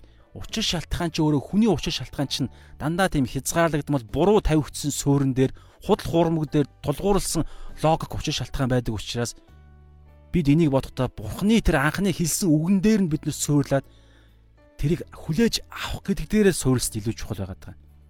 Тэгээд дараагаар нь тэрийг бурхны сүнсээр ойлгох юм бол альва зүйлс үргэлж тайлагдана ойлгогдно. Бурхан биднэрт ариун сүнс тэр бүгдийг эрх мэдлэн чадвар нь түүнд байгаа. За ингээд сүүлийн хэсэг. Хаанчлалын дархалт гэдэг нэрийг би өгсөн л дөө энэ дээр юу гэхээр Есүс үү олно гэдгийж байгаа. Яагаад хаанчлал гэж ярьж байгаа гэхээр Есүс хаанчлалын үйлчлэлээ энэ дээр хаанчлалын гэвчихжээ. Хаанчлалын үйлчлэлээ Есүс эхэлсэн. эхний хэсэг дээр. Дараагаар нь хаанчлалын үйлчлэгч нарынхаа дуудлагыг аа хаанчлалын дуудлага гэх юм уу? Хаанчлалын за тэгчээл та хаанчлалын анхны дуудлага гэх юм уу? хаанчлалын анхны дуудлага буюу дагалдагч нараа дуудсан. Дараагаар нь тэр хаанчлалынхын тархалт нь ярьж яаж эхэлсэн бэ гэхээр одоо харъя л да бүгдээрээ. 23-аас уншия. Есүс Галил даяар явхдаа синагогуудад дахиад Галил даяар гэж байгааз нөгөө хойд хэсэг, нөгөө холилдсон, нөгөө хүмүүс бөөгнөрж байгаа тэр Галил нуурын иргэн дээрх. Тэгээд янз бүрийн харь үндэстэн аа цус холилдсон гэдэг тэр дороо ард түмэн бүгд байгаа шүү. Аа тэгээ бас мэдээж яг жинхэнэ сүсэг бишрэлтнүүд ч бас байгаа олон төрлийн. Тэгэхээр Есүс Галил даяар, Галил даяар гэж байгааз одоо энэ зураг харах юм бол зөвхөн Капернаумч биш. А энэ ч нь болохоор өмнөх зураг шүү дээ. Аа Галил даяар одоо энэ хар да. Назар, Кана нөгөө Кана дээр хамгийн анхны гайхамшиг болдсон шүү дээ. Йохан дээр гарна. 3 дугаар бүлэг хавцсан байх шүү. Канад хурим гээд усыг дарс болгож байгаа. Тэгээ Тибер, Тибер хот байна. Магадан гэдэг хот байна. Генесарат, Хоразин, Капернаум, Битсай тэгэл эдгээр хотуудаар Есүс явсан гэсэн үг. Есүс Галил даяар синагогуудад нь буюу одоогийнхор бол яг сүм чуулганд нь тухайн үедээ бол яг тэр залбирдаг мөргөл сонсдог магтаалаа өргөдөг газар нь яг сүм гэсэн үг. Синагогуудад зааж хаанчлалын сайн мэдээг тунхаглаж ард синагогуудад заасан. Тухайн үеийн тэр яг шашныхын тэр итгэл бишрэрлийнх нь бурхны ард түмнийх нь хүмүүс дээр нь очиж заасан. Дээр нэмээд хаанчлалын сайн мэдээ шүү. Хаанчлалын сайн мэдээ гэж юу юм? Нөгөө нэгүслийн сайн мэдээ. Хуучин гэрээний хуулийн сайн мэдээ биш шүү. Хуулийн сайн мэдээ. Гэхдээ сайн мэдээ, хуулийг бол сайн мэдээ гэж ярихгүй боловч сайн цөмөрөө бас нэг талаа ярилцах юм бол хууль чинь өөрөө хүртэл бас нэг төрлийн нэгүсэл байдаг шүү. Ахын дүүс нар минь. Бас сайн мэдээ. Яагаад гэхээр хууль байх хууль өгдөөг байсан бол дэлхийн ертөнцид тэр чигээрээ тухайн үед аврал байхгүй шүү дээ. Тэгэхээр ядаж нэг Израиль Израиль үндэстнийг Есүс ариус бурхан Яава бурхан тусгаарлаж байгаа хууль. Тэгээд энэ хууль дотор чинь тахилын хууль гэж тогтолцоо байгаа. Тахил чи өөрөө бас тодорхой багхаа нэгүүлсэл. Тэгэхээр хаанчлалын сайн мэдээ гэдэг нь гэдэг нь одоо юу вэ гэхээр Есүс Христийн сайн мэдээ. Есүс Христийн сайн мэдээг тунхагласан.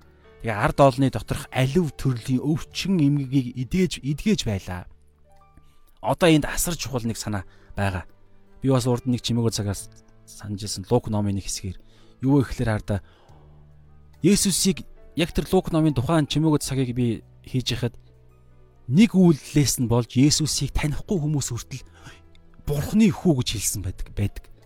Ямар хоёр үйлдэлээс нь болж хоёр үйлдэл хамт байснаас нь болж тэр нь юу гэхээр нэгдүгээрт Есүсийн үг нь эрх мэдэлтэй байсан.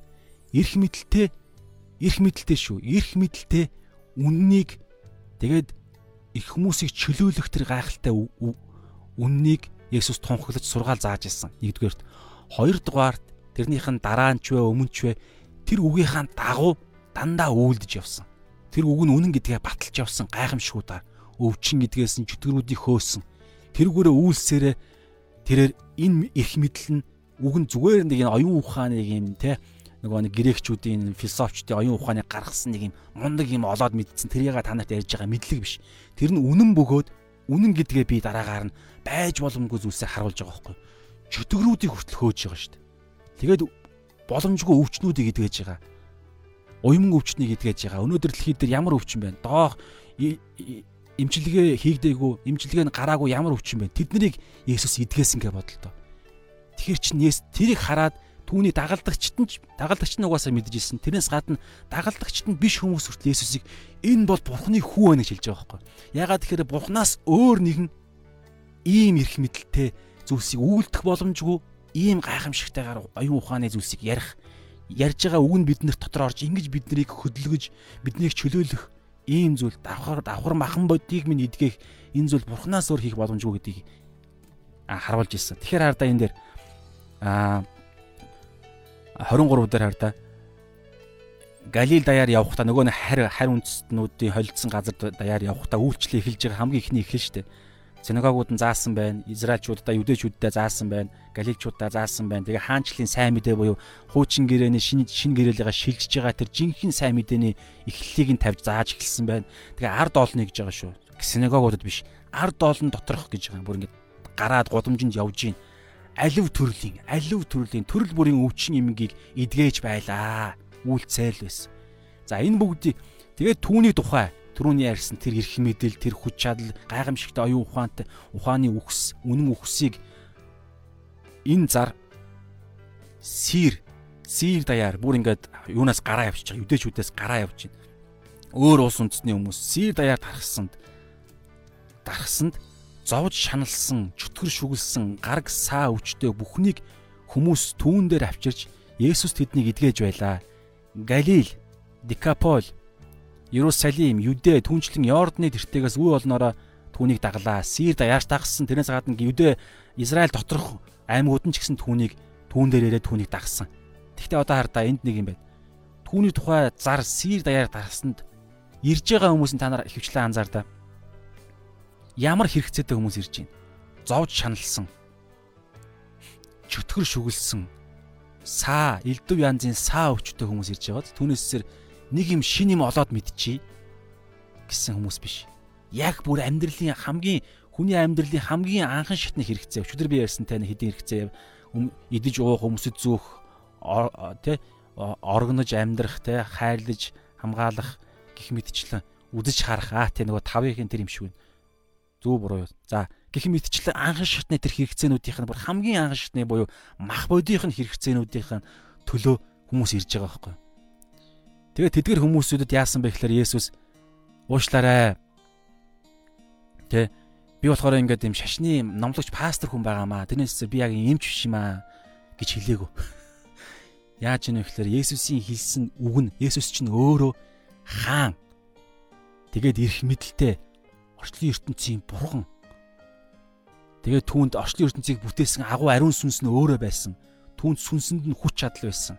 Есүс ч өөрөө хуучин гэрээ, шинэ гэрээний хуучин гэрээний ертөнцийн сүр хамгийн ихэнд те ихэнд бурхан тэнгэр газрыг бүтээжээ гэдэг газар нь ямар ч хэлбэр төсгүй эзгүй хоосон гадаргуу дээг нь усны мандал тэгээд дээгүүр нь харанхуу бүрхээд усны мандал дээгүүр нь бурхны сүнс илэн хайлж байла тэр илэн хайлж байсан чинь ариун сүнс тэр сүнс Есүсийг баптизм хүртэхүй дээр нь тагтаа адил бууж ирсэн. Тэгээд тэр сүнс тэгээд бурхан гэрэл бий бол гэж хэлсэн. Бурхан өөрөө хэлж байгаа бурхан аав өөрөө гэрэл бий бол гэж хэлсэн. Хэлэгдэж байгаа энэ надаа Г Э Р Э Л Б И И Б О Л гэрэл бий бол гэж байгаа энэ хэлэгдэж байгаа үг нь өөрөө Есүс байсан байхгүй юу? Тэгэхээр хуучин гэрээнд гурвлаар оршигч бурхан тэр бүтээлийн тогтолцоо хийж байгаа энэ хүч зүгээр гэрэл бий болгоод хилтэл тэнд ариун сүнс хийдэг юм а хийж эхэлж байгаа. Газар дээр те газар дээшээ өргөгдөж уснаас хуурай газар ус хоёр сал гэж хэлж байгаа бас. Ингэж хэлэх үед нь тэр үйлдэж байгаа үйлдэж байгаа тэр үйл үйлдэж байгаа хүч нь юу вэ? Ариун сүнс. Тэгэхээр ийм гайхалтай гурвлаар оршигч бурхан зэрэг явж байгаа учраас Есүс энэ бүгдийг хийх хийх бүрэн чадaltaй шүү дээ. Тэгэхээр ийм нэг нэг бид нар дагж байгаа. Түүнээсээр зүгээр нэг одоо хотод байгаа Христ итгэлийн шашныг биш цуглаан гэж юу юм бэ? Газар биш. Цуглаан гэдэг бол бурхан өөрөө хаан байгаа. Тэгээд бурханыхаа хааныхаа доор бурханыхаа ард түмэнд болчихсон бурхан бурхан хаанаа алдаршуулах буюу Есүс Христтэй алдаршуулахын тулд хаанчлалын зорилго юу вэ? Ард түмнийг харанхуйд байгаа ард түмнээ аврах зорилготой. Түүнээсээр улс төрд гарах биш. Эсвэл олон тэ мундаг мундаг юм барилгууд барих биш. Хүнийг аврах зорилготой нэгдсэн ард түмэн баггүй юу? Энэ бол цуглаан. Аа тэгээд цуглаан гадаа явчих болно. Байшингийн дээвэр дээрч байж болно, далай дээр хийгдсэн ч болно, уулан дээр хийгдсэн ч болно, гэртээ хийгдсэн ч болно, хоёр хүн байсан ч болно, ганцаараа байсан ч болно. Гэхдээ чуулган гэдэг чинь өөрөө тийм эргэтэн том community, том тийм биеийн эргэтэн учраас ихэвчлэн хоёр ба түүнээс дээш идэх чинь асар чухал.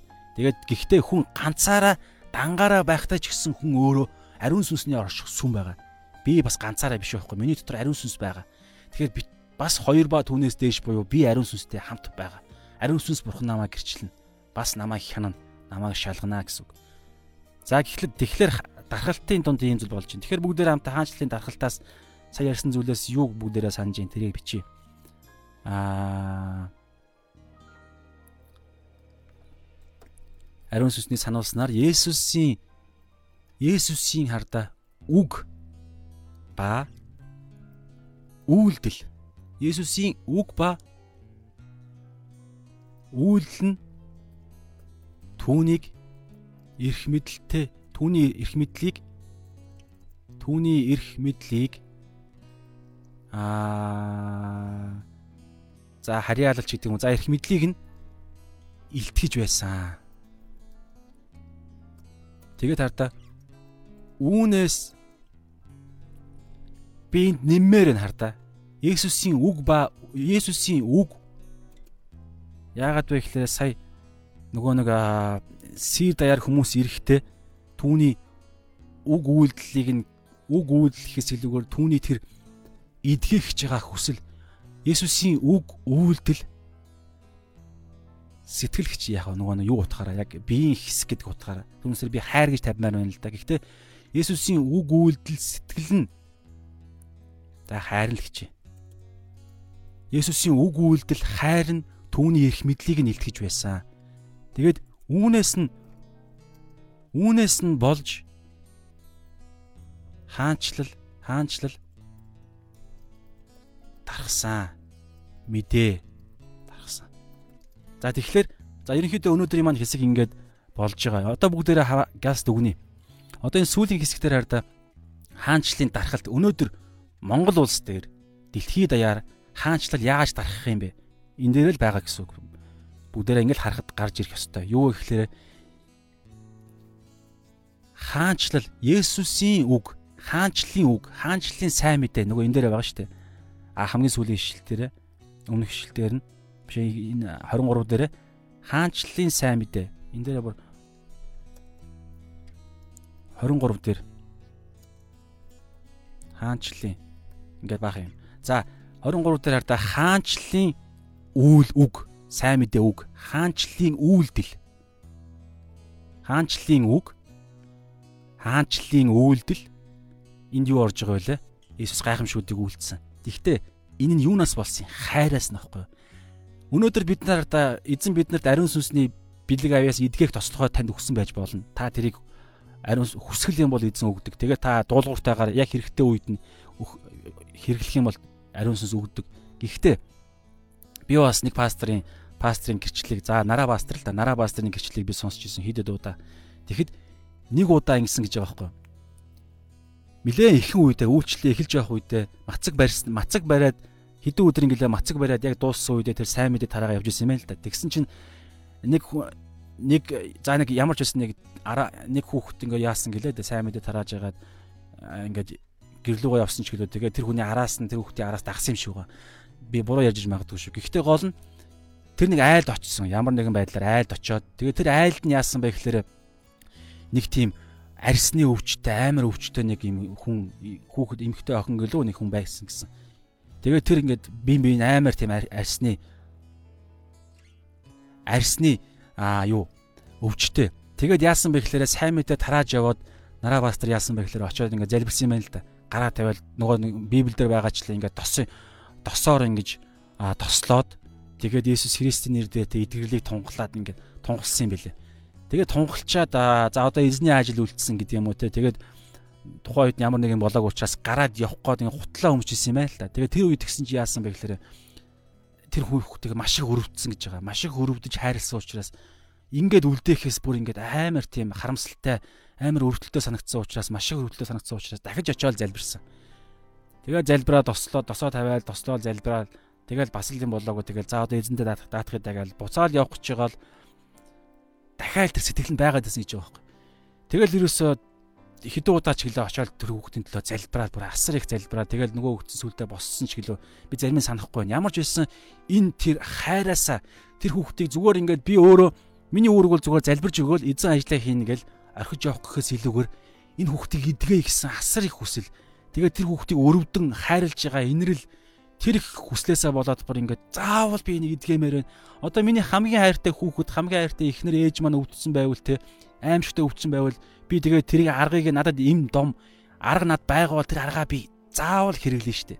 Тэр аргаа заавал хэрэглэх гээд бөө юм болж байгаа болсон гэж байгаа. Тэгээ маргааш нь гэлөө нөгөө хүүхэд нь идгсэн цулаан дээр нэрсэн гэж байгаа байхгүй. Тэгэхээр энийг юу хэлж ийнэ вэ? Бас нэг өөр хүн хэлж ирсэн. Юу вэ гэхээр ариун сүнсний бэлэг авьяас өвчин идгэх тосолгоо нь юунаас гол нь болдгоо гэхлээр хайр гэж байгаа байхгүй. Яг тэр өвчин идгээдэг тийм тосолгоотой бэлэг авьяастай хүмүүсүүдээс очиод бас нэг хүмүүс асуусан юм байна л да. Та яг яаж хүмүүсийг идгээдэг вэ? Яг ямар үйл явц болдгоо вэ гэхлээр би сайн мэддгүй маа. Би зүгээр гол нь тэр хүмүүсийг асар их хайрладаг гинэ. Тэгэл би очиод залбирдаг.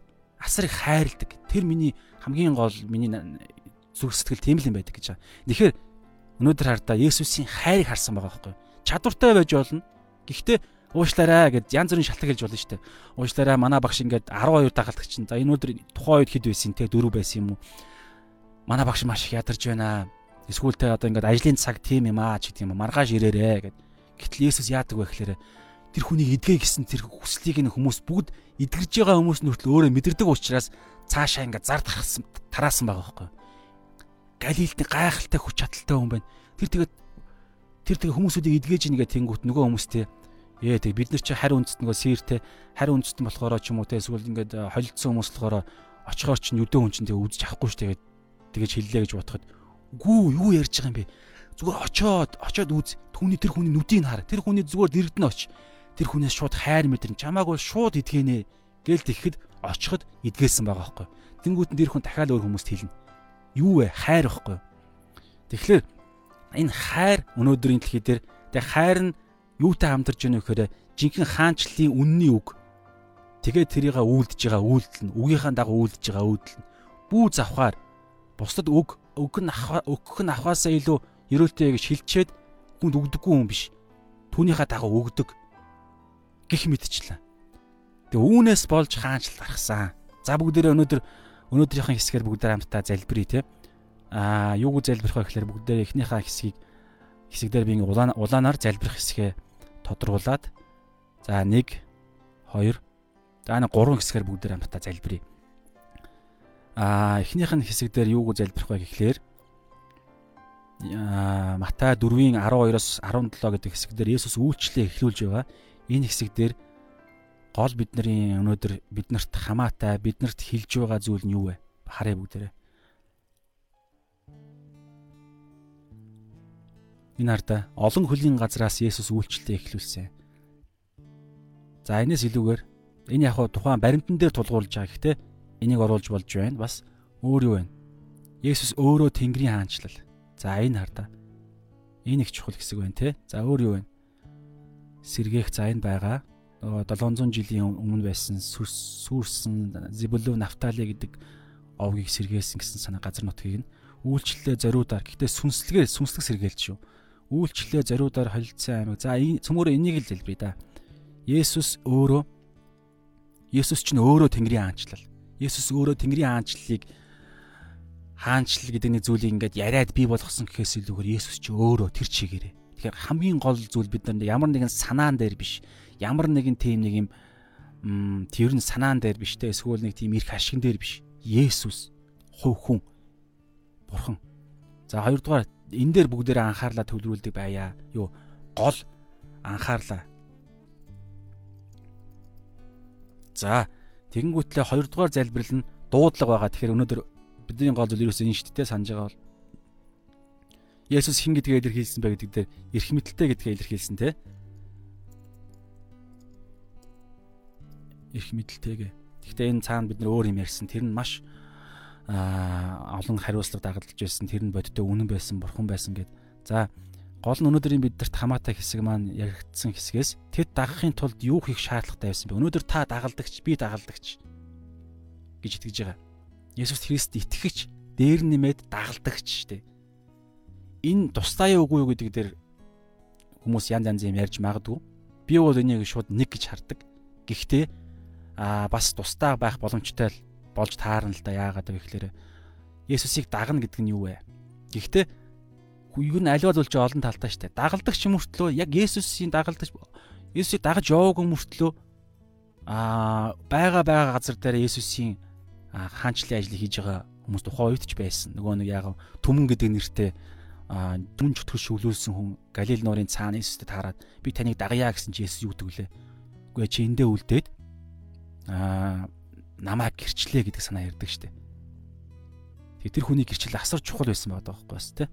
За тэгэхээр хоёр дахь нь ерөөсөө тэр Тэр бүгдээрээ хамтдаа Есүсийн дагалдагч байхын тулд орхих шаардлагатай бол орхих шаардлага гэдэг дээр залбирая.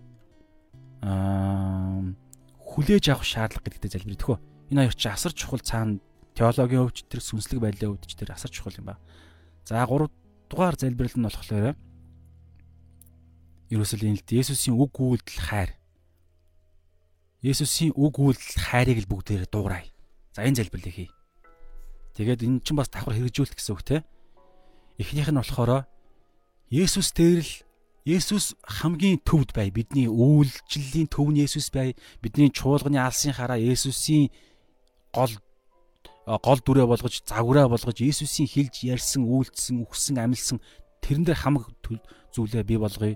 Тэрнээс суралцъя. Хоёрдугаарт нь бид энэ дагалдах амьдрал дээрээ бид нар үн цэнэ буюу бидний хоёр эзэн зэрэг үйлчлдэг үү гэдэг энэ зарчмын дагуу биднийг өөр эзэн Есүсээс өөр эзэн биднийг удирдах гад байгаа бол тэрийг бид нар заавал орхиё.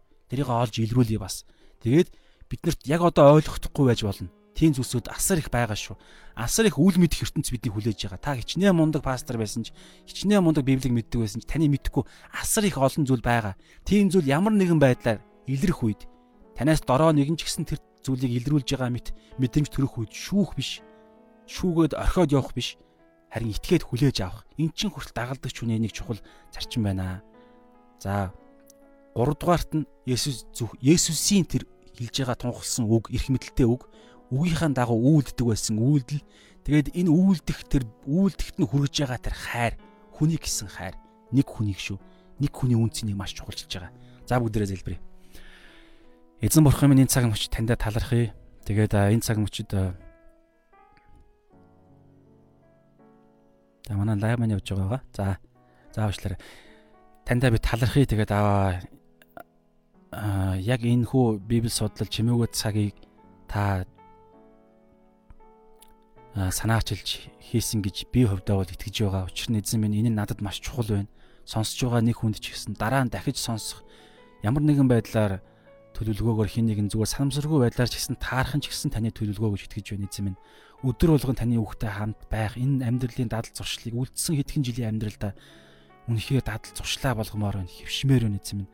Тиймээс тань талархъя. Тэгээд бид гурван зүйлийг барин залбирж байна эзэн. Өнөөдрийн хэсгээр Матай 4:12-оос 25 дугаар хэсгээр эхнийх нь эзэн минь Тэнгэрийн хаанчлал, хаанчлалын сайн мэдээ, сайн мэдээ аврал нь зөвхт байдал нь ариусгал нь энэ нэгүүлсэл нь зөвхөн Есүс гэдэг энэ тань дээр энэ үгний цаана байгаа тэр агуу гайхамшигтай цоо том ертөнцийн тэр хайр, тэр бурхан Есүс гэдэг энэ л зүйл дээр эзэн минь тогтдог. Энэ л зүйл хамгийн гол суур гэдгийг нь бид үргэлж санаж явахд маа та туслаарай эзэн. Ямар нэгэн байдлаар хүний оюун ухаанаар бид нар энэ фокусыг, энэ чиглэлийг алдуулах тэрхүү яг өнгөрсөн бүлэгдэр байсан ч сатаны элдв янзын сорилт орж ирэх үед бид таны үг рүүгээ ханддаг буюу та бол зам үнэн ам. Йохан номон дээр байдаг. Тиймээс эзэн минь та бол үнэн, та бол зам, та бол ам гэдэг дээр л тулгуурлаа эзэн минь. Тэнгийн хаанчлал бол та билээ эзэн. Тэг үүнийг өргөж ойлгож санаж энийг олон байдлаар судал олон талаас нь бид судлахыг хүсэж байна. Тэгээд Матай номон дээр Тэнгэрийн хаанчлал гэдэг энэ үг 55 удаа дурддагддаг гэсэн мөн Тэнгэрийн хаанчлалын олон олон талыг нь харуулсан зөвөрлөлүүд бас гарч ирнэ. Энэ талаар ч гэсэн үргэлжлүүлэн судлахад та биднийг цаг заваар хангаж өгөөрэй.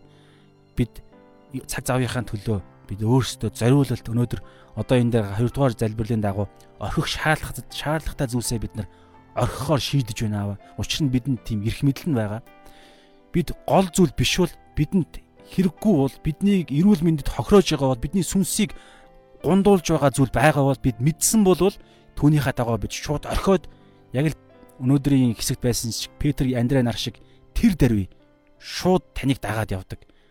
Шууд тэр даруй бид энэ цагийнхаа төлөө ирдэг. Тим шийдвэртэй таны дагалдагчд байхыг хүсэж байна. Тэгээд хүлээж авах шаардлагатай, хүлээж авахд хэцүү олон зүйлс байвал шууд бид шүүхээсээ илүүгээр бид ойлгохын тулд явдаг тийм хүмүүс байхыг хүсэж байна зэ. Би биеийг ойлгохын тулд. 3 дугаарт нь эзэн минь таны үг та ямар үг ярьдیں۔ Хаанчлалын үг гэдэг нь юу юм? Нэгүслийн үг гэдэг нь юу юм? Библи ерөнхийдөө ямар санаа хэлдэг гэдгийг бид нар үргэлжлүүлэн судлаад тэгээд тэр зүйлээ бидний дотор орсон бол түүнийхээ дагуу бид тэр даруй ариун сүнс таныг сануулгах болгоно шууд үйлддэг байхыг хүсэж байна. Энэ үйлдэлд мэдлэг биш ээ. Энэ үйлдэл хэн хийх юм бэ гэхээр юу хийх юм бэ гэхээр ариун сүнс таны үр жимс болох хайр үлээ эзэм минь. Хайраараа бид нар бие биенээ шүүхгүй байж хайраараа эзэм минь бодтой хаанчлалын дархалтыг хийхийг хүсэж байна эзэн. Тэгээд та эзний товлсон цагт бид дор бүрнээ дуудлагатай хүрэхийн төлөө эзэн та бид нар бас бие биенийгаа ерөөн залбирч байна Есүсийн нэрээр. Амен. За энэ цагийн төлөө хамт байсанд баярлалаа. Тэгээд олон зүйл дээр учир тутмаг зүйлсүүд байгаа бол та гоё те соёлтойгоор бас намайг бодоод гоё байдлаар ингээд санал зөвлөгөө байвал доор бичээд өгөөрэй комент хэсэгт. Аа тэгээ болж ивэл заавал бичих шаардлагагүй те. Гэхдээ бас өнөөдрийн хэсгээр зарим нэг зүйлийг нь би буруу дурдсан зүйлсүүд байлаа шүү. Өдрийн урж өдрийн юм дээр ч гэсэн ганц нэг зүйл дурдчихсан юм байсан санагдаж байна. Ер нь би ингээ ярьсан юм харахаар заримдаа зарим нэг одоо жишээ нь Мата 5 дугаар бүлэг дээр байсан юм би дээр өөр нэг лайв дээр бас Мата 7 гэдээ буруу хэлчихсэн. Гэх мэтчлэн зүгээр ингээд гол зүйлээ ярих гэж яваад дундуур нь ганц нэг факт баримт тоо баримтыг буруу дурдах тохиолдол гардыг шүү. Тэр үе та тийм зүйл байвал тэр доор нь та биччихээрэй.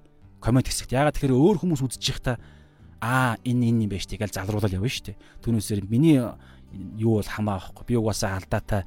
Гэтэ би хичээж яваа. Улам илүүгээр цөмөрөө сайжирья.